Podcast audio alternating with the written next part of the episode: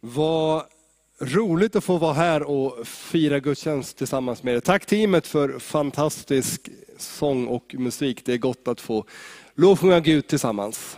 Jag ska börja med att be en bön och sen så ska jag få tala över det här temat. Det finns hopp. Ett tema som vi predikar, alla vi pastorer från, som är med i kampanjen, våra församlingar, vi har bytt plats med varandra och vi predikar över det här fantastiska temat det finns hopp. Och skulle du somna, skulle du stänga av webbsändningen, skulle du behöva gå iväg av någon anledning, så kom ihåg att det finns hopp. Det finns hopp för dig och det är ett hopp också att ge vidare till de människor som du möter i din vardag. Men jag vill be också jag tillsammans med er. Herre, tackar vi för att vara samlade till gudstjänst. Tack att du är här med din heliga Ande. Du är inte begränsad av, av fysiska mötesplatser. Du rör dig obehindrat. Där vi är så är också du här. Du är här i kyrksalen, du är här den som följer, följer sändningen hemifrån eller via sin mobiltelefon på en skogspromenad eller vart de än följer sändningen. Så är du närvarande. Tack att du vill låta oss få uppleva att det finns hopp. Det finns hopp för våran värld, det finns hopp för den här tiden och det finns hopp för oss Herre. Tack att du står på vår sida. Tack att du aldrig någonsin lämnar oss eller vänder ryggen åt oss. Tack att du alltid finns här för oss Herre. Herre låt oss få leva i det hoppet, hålla fast för det hoppet och också ge det hoppet vidare till de människor vi möter i våran vardag. I Jesu namn. Amen.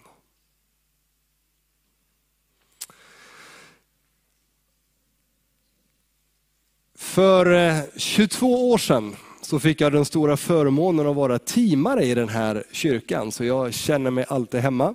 En del av er känner jag igen, en del av er var inte ens födda vid den tiden. Eller vad säger du Nöff? Nej, du var inte född då. Tiden går fort, men jag känner mig hemma här. För er som inte känner mig så heter jag Samuel Rönnbrink, jobbar som pastor i Pinkyrkan i Äla. Har gjort det de senaste åtta åren. Jag är gift med Frida och tillsammans så har vi fyra barn i varierad storleksordning. Det, den äldsta är inte längst längre, det har liksom hänt någonting där. Men de är mellan 5 och 18 år. Eh, jag tycker om att träffa människor, jag tycker om att möta människor i olika situationer, så det här jobbet passar mig jättebra. Jag tycker om att vara ute och röra på mig, jag tycker om att springa en del. Och häromdagen när jag var ute och sprang så hände det som inte får hända. Jag har sådana här små hörlurar. Ser ni dem? Ungefär en centimeter stora, som man pluggar in i örat, sätter på musiken eller någon bra podd och så springer man. Och då hände det som inte får hända. Ena hörluren ramlade ut. Och det tar ju någon halv sekund att upptäcka och stanna, så jag har ju kommit kanske en och en halv, två meter när jag inser att någonstans har hörluren ramlat ur. Jag såg hur den studsade till snett bakom mig på asfalten, ner i gruset och sen iväg i buskarna och gräset bredvid vägen där jag sprang. Jag tvärnitar, jag böjer mig ner för jag tycker om mina hörlurar och de var inte helt gratis. Eh, och så börjar jag leta, men jag hittar dem inte. Och jag vet ju att någonstans mellan den här sträckan och den här sträckan och en bit in, där någonstans ligger mina hörlurar. Och jag letar men hittar dem inte. Så jag börjar ju misströsta och börjar tänka, kan jag leva med en hörlur? Eh, har jag pengar att köpa nya? Ska jag köpa några andra? Hur ska jag göra? Men då får jag en idé. En idé som ger mig hopp. Ni vet när hoppet tänds, man tänkte det är kört, det kommer inte funka. Men det kanske kan gå ändå. Så jag höjde musiken till max på mina hörlurar. Och så la jag mig ner på marken och så hade jag liksom örat mot marken och så kröp jag runt där i gräset bland buskarna. Jag kan bara tänka hur det måste se ganska tokigt ut, men det var ju långt ute på ödemarken ute vid Äla, så ingen annan var där. Och vet ni, efter någon minuts letande så hör jag ifrån en buske ungefär 40 centimeter in från vägkanten så hör jag något svagt, svagt, svagt ljud. Och där i en buske så hittar jag hörluren. Jag var så lycklig. Tänk att jag har två hörlurar igen. Har du varit med om det här någon gång? Du tappar bort någonting. Du letar förtvivlat och du har i princip gett upp. Eller kanske är det du som har blivit borttappad. Någonting hände i livet, det gick inte som du hade tänkt dig. Du befinner dig i en svår, i en tuff i en hopplös situation och du vet inte vad du ska göra. Du har gett upp eller du är så nära att ge upp och då plötsligt så får du en idé, en tanke som ger hopp. Och du håller fast vid det hoppet, du håller fast vid den idén och sen så löser det sig. Det omöjliga visar sig vara möjligt. Vi brukar säga att hoppet, det är det sista som överger en människa. Jag vet inte om du har besökt Auschwitz, koncentrationsläget. En av de mest fruktansvärda platser här på jorden. När man hör hur de som, som överlevde, när de får berätta om den tiden, månaderna, till och med åren i en del fall, som en del människor hade på den här fruktansvärda platsen. Så det gemensamma för de som överlevde, det var att de sa, jag gav aldrig upp hoppet om att jag en dag skulle komma härifrån. Det verkade omöjligt, det var kört rent mänskligt, men de lyckades behålla hoppet om att en dag ska jag komma härifrån. Och de som överlevde, de berättar också och säger att de som inte lyckades hålla fast i hoppet om att en dag ska jag komma ut härifrån. De gjorde inte heller det. Hoppet har en förmåga att göra någonting med oss själva som vi inte själva kan göra. Hoppet har förmågan att få mig att faktiskt göra det omöjliga. Jag läste här i veckan en, en forskningsrapport om hoppets betydelse hos svårt sjuka människor.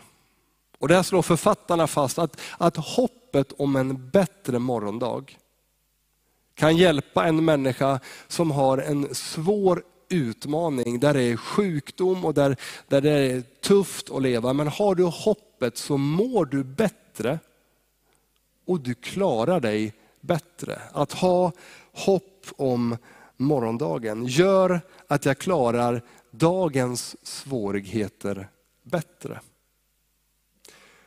Profeten Jesaja, som vi läser om i Bibeln, han levde ungefär 700 år före Jesu födelse.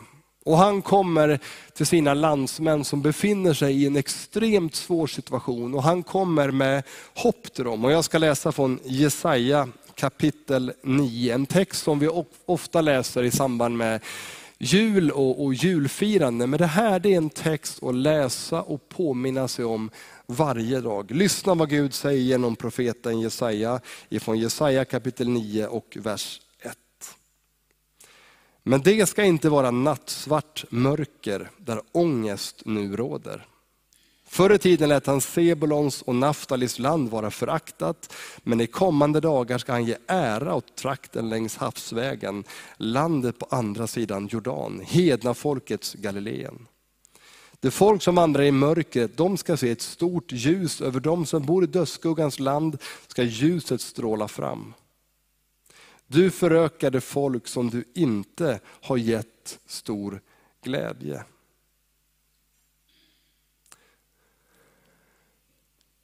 Man levde under extremt svåra förhållanden. Man har periodvis varit ockuperad av assyrierna, främmande gudar har letat sig in och, och glansdagarna, storhetstiden när Davids rike bestod av Israel och Juda, det förenade riket, de kändes väldigt, väldigt avlägset. Folket börjar misströsta och ge upp. Hur, hur ska det här lösa sig? Vilken väg ska vi gå? Har Gud övergett oss? Vad är det som händer? Och I den tiden så får profeten Jesaja komma och säga, det finns hopp. Det finns hopp om en ny tid, om en ny morgondag, om nya möjligheter. Ge inte upp. Där det nu är mörker och nattsvart, där det inte finns några utvägar. Där ska Gud visa på en utväg, säger profeten Jesaja. Om du skulle ta hela Jesaja-boken, många kapitel i den boken, och baka ihop den, så finns det ett huvudbudskap. Och det är, Gud har inte gett upp om dig. Du har kanske gett upp om Gud, du har gett upp om dig själv, andra har gett upp om dig. Men Jesajas hälsning, summa summarum av, denna, av Jesaja bok är, Gud har inte gett upp. Även om människorna vänder ryggen åt Gud, så vänder Gud inte ryggen åt dig och mig. Och Det här framgår kanske som allra tydligast i det 49 kapitlet. Ifrån vers 15, där profeten säger så här. Kan en mor glömma sitt lilla barn och förbarma sig över sin livsfrukt? Och även om hon skulle glömma så glömmer inte jag dig. Så jag har skrivit dig på mina händer. Gud glömmer inte dig. Som en förälder, jag har ju fyra barn, så finns det ju ingenting jag hellre vill än att det ska gå bra för mina barn. Jag sätter mina barn före mig själv i alla situationer. Det gör ju en sund förälder. Det är otänkbart för mig att trycka bort mina barn för att jag ska få företräde, för att jag ska roffa åt mig. Och Gud säger det är precis likadant. Det är otänkbart för Gud att han skulle ställa sig i vägen och ta det som han vill att du ska ha. Gud vill i alla lägen ditt bästa. Och han säger att jag har nedtecknat, jag har skrivit ditt namn på mina händer. När Gud ser ner på sina händer så påminns han om dig. För ditt namn är nedskrivet, upptecknat på Guds händer. Gud glömmer inte dig. Gud kan kännas avlägsen. Gud kan kännas jättelångt borta. Det kan vara mörkt, det kan vara tufft, det kan se omöjligt ut. Men Gud har inte gett upp om dig. Och Det är det hoppet som du och jag behöver hålla fast vid. Det här, det är goda nyheter för dig. Det här är goda nyheter för dig och för mig och för de människor som vi möter i vår vardag. Gud har inte gett upp om dig. Vi brukar ju säga att obesvarad kärlek, den dör ut. Minns du, eller du kanske är just nu, kär i någon och kärleken är inte besvarad. Det är ju ingen rolig känsla. Och Risken är stor att desto längre tiden går och kärleken förblir obesvarad, så kommer din kärlek också att slockna. Men Guds kärlek till dig och mig, den slocknar aldrig. Guds kärlek till dig och mig är inte beroende på om vi gensvarar eller inte gensvarar. Gud är kärlek och Gud älskar dig och mig alltid lika mycket. Oavsett vad du eller jag gör. Gud älskar inte mer för att du går i kyrkan, ber och ger. Och Gud älskar dig inte mindre för att du inte går i kyrkan, för att du inte ber eller för att du inte ger. Guds kärlek är konstant och evig oavsett vad du och jag gör. Det är skillnad på Guds kärlek och den kärlek som jag har och som du har till andra människor. Gud älskar dig och mig. Du är skapad, jag är skapad till gemenskap med honom. Och Det är vad Gud längtar efter, att du och jag ska gensvara, säga vårt ja till honom. Men tills dess vi gör det så älskar han dig och mig obegränsat. Oavsett vad du och jag gör. I Johannes 3.17 ni vet versen som kommer efter 3.16 som kanske är Bibelns mest kända vers. Så säger Jesus, inte sände Gud sin son till världen för att döma världen. Utan för att världen skulle bli frälst, räddad, återupprättad, försonad genom honom. Jesus han kom ju med goda nyheter. Jesus kom med goda nyheter att vägen till Gud, den är inte längre stängd. Det finns hopp om ett liv tillsammans med Gud. Där vi människor har gått fel, där andra har gett upp om oss, där vi har gett upp om oss själva, så finns det hopp om en ny, ett nytt liv tillsammans med Gud. Jesus kom ju för att rädda, för att återställa det som synden har förstört i skapelsen. Att återupprätta relationen mellan dig, mig och Gud. Han kom för din skull, han kom för min skull. Och Jesus han säger i Johannes 8 att jag är världens ljus. Den som följer mig ska inte vandra i mörkret utan ha livets ljus. Jag behöver låna din fantasi lite grann. Tänk dig att du är ute och går en mörk och regnig novemberkväll. Du går längs någon skogsstig eller mindre väg och, och, du ser inte särskilt mycket för det är mörkt, det är disigt och det är regnigt. Det enda du ser det är ljuset som din ficklampa, din mobiltelefon sprider framför dig. Det är ljus nog för att se precis vart du går men inte runt omkring dig. Det går inte att jämföra med solens ljus en varm och härlig julig dag när allting är upplyst och du ser vart du än går. Nej, du ser bara precis framför dig. Jesus han säger att jag är världens ljus. På samma sätt som min ficklampa gör att jag ser, gör att jag upplever en, en känsla av, av trygghet. Jag vet vart jag är på väg, jag kommer inte snubbla. Så att vandra tillsammans med Jesus, det är att ha någon som lyser upp din stig. Att vandra tillsammans med Jesus innebär inte att du vet allt, förstår allt, att allting är glasklart, att det är lätt att leva. Det är inte alltid en varm och solig julidag. Men det är ficklampan som lyser upp på din stig. Som hjälper dig att se vart du ska gå så att du inte snubblar, så att du inte går vilse. Och som ger och skapar dig en känsla, en visshet om trygghet. Jag är tillsammans med någon. Det behöver inte vara så mycket mer än så. Än en liten ficklampa eller en mobiltelefon för att du ska få en helt annan känsla än när du går där i skogen i mörkret alldeles ensam. Att Jesus finns där, för mig, för dig, ger hopp om att vad jag än möter, vad du än möter, så finns det en väg framåt. Samma hopp som gjorde att människor kunde överleva i Auschwitz och andra fruktansvärda platser. Samma hopp som gör att en kronisk sjuka kan hålla fast att det kommer bli bättre. Samma hopp kan du och jag få, få hålla fast vid. Nu kanske du tycker, och det har du delvis rätt i, att jag gör det ganska enkelt för mig. Så här enkelt är det inte. Men det är sant. Det är sant att hoppet Jesus bär genom allt. Däremot är det inte enkelt. Och jag vet ju att det finns ju människor här inne som har gått igenom fruktansvärda saker, som går igenom fruktansvärda saker. Och till dig så vill jag speciellt säga, det finns hopp. Det finns hopp om att det som du upplever just nu ska gå över. Att det mörker som du befinner dig i ska få övergå till gryning och till dag. Att den sjukdom som du upplever just nu, att den ska få ta slut. Att den, den separation eller den, det som du lider av, ångest, att det ska få ta slut. För det finns hopp. Hopp i namnet Jesus. Och det här, det är ett hopp att påminna dig om. Jag vet inte om du har samma problem som jag, men jag är väldigt glömsk. När jag åker till affären så behöver jag ha fått en shoppinglista ifrån Frida, min fru, så jag vet vad jag ska handla. Annars så kommer jag hem med saker som vi inte ska ha.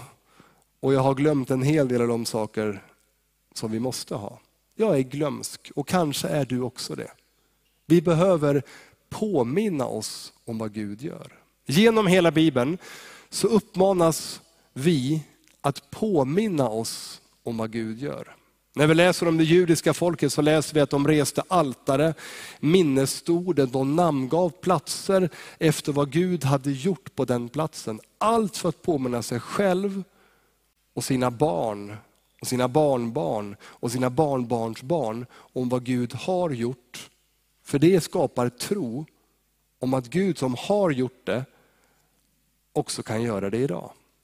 När du berättar för mig vad Gud har gjort i ditt liv, så skapas det i mitt liv tro att Gud kan gripa in också i min situation. När jag påminner mig själv om vad Gud har gjort, så skapas det i mitt liv tro att Gud kan göra samma sak igen. Så jag undrar, vad gör du för att påminna dig om vad Gud har gjort? För jag misstänker att åtminstone ett gäng av er lider av samma åkomma som jag gör. Vi glömmer. Vi glömmer så lätt vad Gud har gjort. Så vad gör du för att påminna dig om vad Gud har gjort? För det kommer i ditt liv skapa tro att Gud förmår att göra någonting igen. Det här det är goda nyheter för dig. Det är goda nyheter för dig att påminna dig om. Och det här det är goda nyheter att ge vidare. Det här är goda nyheter för de människor som du har runt omkring dig. Det här är goda nyheter för din familj, för dina barn, för dina barnbarn, för dina klasskamrater. Det här är goda nyheter för den du känner och för den du inte känner. Det här är goda nyheter för alla människor. Och är du en lärjunge till Jesus, kallar du dig för en kristen, så är du en budbärare av goda nyheter. Det du har fått uppleva, budskapet om, om nåden och försoningen och Guds kärlek, det träffade dig på vägen till någon annan. Det du har fått uppleva har du fått uppleva för din skull, ja, men också för att du ska få ge det vidare till de människor som du möter i din vardag. Jag möter inte de människor du möter. Du möter inte de människor jag möter i min vardag, men vi möter alla olika människor och till dem får vi komma med goda nyheter. Apostlagärningarna 1 och 8. Välkänt bibelord för dig som är en van bibelläsare. Bland det sista Jesus säger. Han säger det till lärjungarna, precis innan han åker upp till himlen och han säger det till dig och mig. Han säger, men när den helige ande kommer över er, då ska ni få kraft att bli mina vittnen i Jerusalem, i Judeen, Samarien och ända till jordens yttersta gräns. Har du funderat någon gång på vad är ett vittne vittnes uppgift? Ett vittnes uppgift är ju att berätta vad han eller hon har sett. I domstolssammanhang så är ju inte en vittnes uppgift att vara domare, åklagare eller försvarsadvokat. Vittnes kallas in i en liten del av rättegången för att berätta vad han eller hon har sett. Det här såg jag, det här hände, så här uppfattade jag det. Du och jag har samma uppgift. Att berätta för andra vad vi har sett, vad vi har hört och vad Gud har gjort i våra liv. Din och min uppgift är inte att försvara Gud. Jag tror att Gud kan försvara sig själv. Vår uppgift är inte alla gånger att förklara Gud heller. Jag tror att Jesus upplevs bäst upplevd än förklarad. Jag kan ibland, få, ganska ofta till och med, få säga till människor, jag vet inte. Jag förstår inte. Men det här, det har jag fått uppleva. Det här, det har jag fått tag på. Jag har mött Jesus, han har förvandlat mitt liv. Han gör mig till en bättre människa. Han ger mig trygghet, glädje. Ett vittne, en vittnes uppgift är att berätta vad man har sett och vad man har upplevt. Du måste inte förstå allt, du måste inte veta allt, du måste inte förklara allt. Du är inte försvarsadvokat, du är inte åklagare, du är inte domare, du är vittne. Jesus han är bättre upplevd än förklarad alla gånger. Jag kan aldrig övertala, du kan aldrig övertala en annan människa till att komma till tro, men vi kan inbjuda en annan människa och säga, det här har jag fått uppleva. Det här det har förvandlat mitt liv. När vi läser i evangelierna om hur Jesus mötte människor, så börjar inte han med att peka finger och säga, du din usling, hur kunde du göra så här? Förstår du inte bättre? Det fattar du väl? När Jesus möter människor så inleder han en vänskapsrelation med dem. Och under resans gång så händer det någonting i den människans liv. Man börjar se saker, förstå saker på ett annat sätt. Så är det ju med Sakaios, tullindrivaren, äktenskapsbryterskan, med Petrus och med många andra av de människor som Jesus tillbringade tid med. Någonting händer i deras liv utan att Jesus egentligen måste peka ut det som är självklart, att de har gjort fel och att de behöver Gud. Men i mötet med Jesus så upplever de nåden, försoningen och kärleken. Och så blir det förvandlade liv. Vi behöver inte heller påminna människor, tycker jag, om de fel de gör. Det är vi ganska bra på själva, åtminstone jag. Jag är väl medveten om åtminstone några av mina fel. Och det är kanske samma sak för dig. Men vi behöver peka på Jesus och säga att han är hoppet. Han är möjligheterna. Han är det som du och jag behöver uppleva. Vår uppgift är att hjälpa människor fram till ett möte med Gud och i det mötet så tror jag att precis vad som helst kan hända. Jag är helt övertygad om att runt omkring dig och mig så finns det människor som bara längtar efter att få ett möte med Jesus. Men de vet inte hur. Jag är också övertygad om att Gud hela tiden signalerar till dig och mig som är lärjungar till honom, som är följare till honom och säger, här borta Samuel, här finns det en människa som just nu behöver höra någonting om mig. Men jag missar så lätt de signalerna. Gud han talar till dig och mig på, på en mängd olika sätt, men jag har försökt ta fasta på några signaler.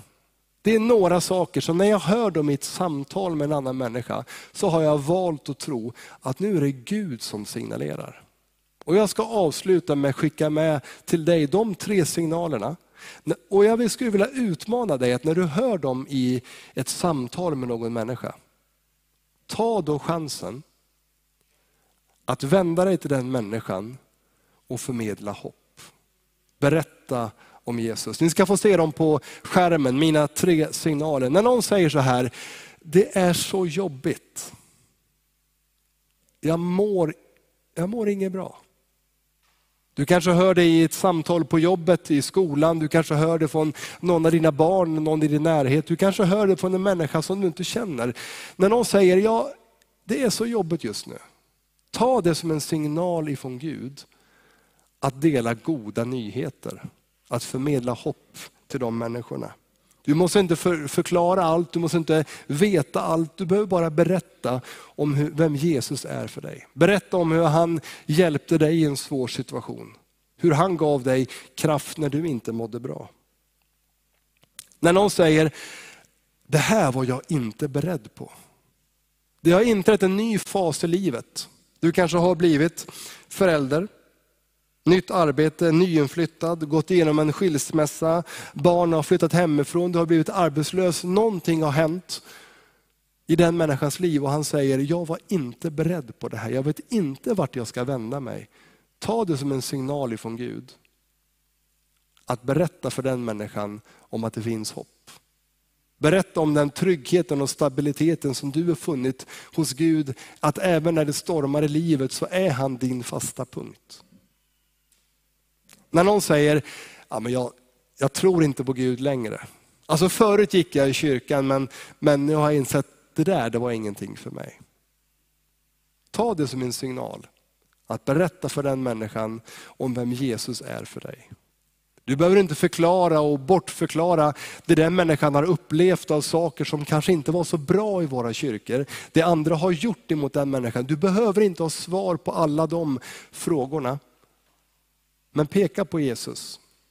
Peka på vem han är i ditt liv. Jesus han är bättre upplevd än förklarad i alla lägen.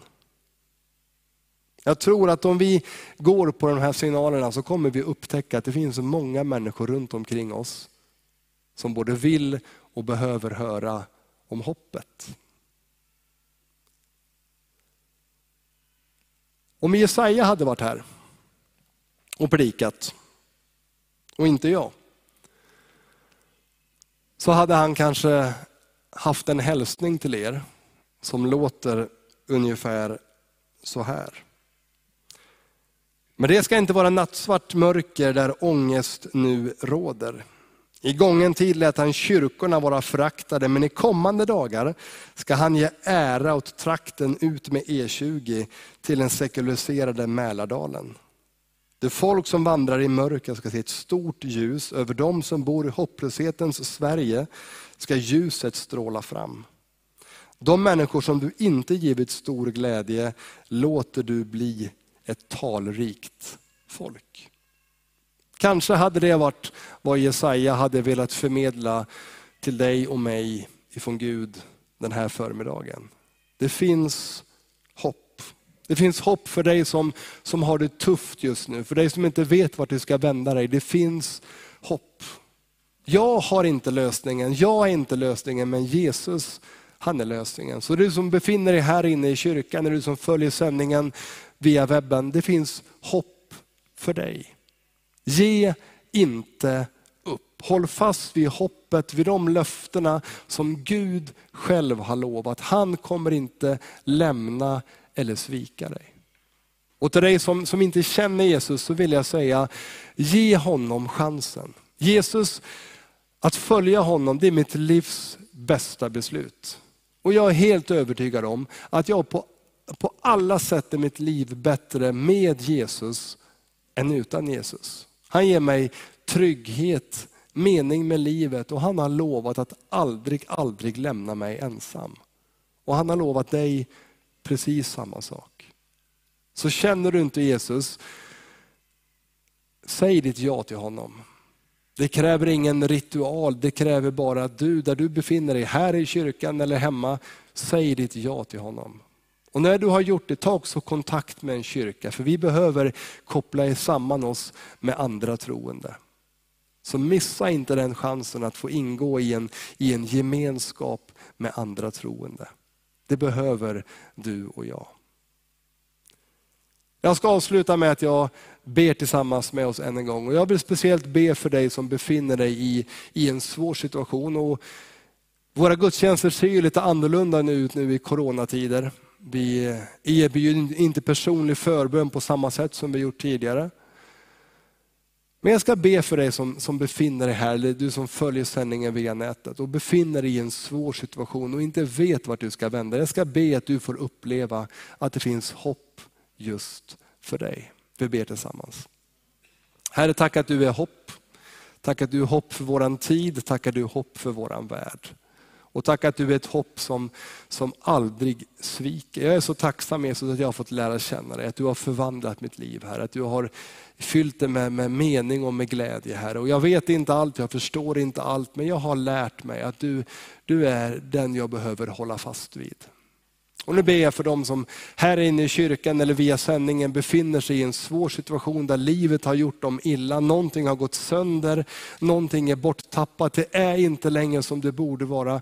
Och människor som, som, som har tappat hoppet. Jag ber här att de ska få uppleva hoppet om, om en ny morgondag, Herre. Att du ska tända ljuset i deras liv. Och där mörkret råder så ber jag att ljuset ska få, ska få kliva in. Och när vi tänder ett ljus så försvinner mörkret, Herre. Jag ber för den som är nära att ge upp, att de ska få kraft och mod att hålla kvar dig. Jag ber för dem som, som, som inte har sagt sitt ja till dig, men som har följt den här sändningen eller är här i kyrkan, att de ska få våga säga sitt ja till dig, Herre. Tack att du står på vår sida och tack att du älskar oss gränslöst. I Jesu namn. Amen.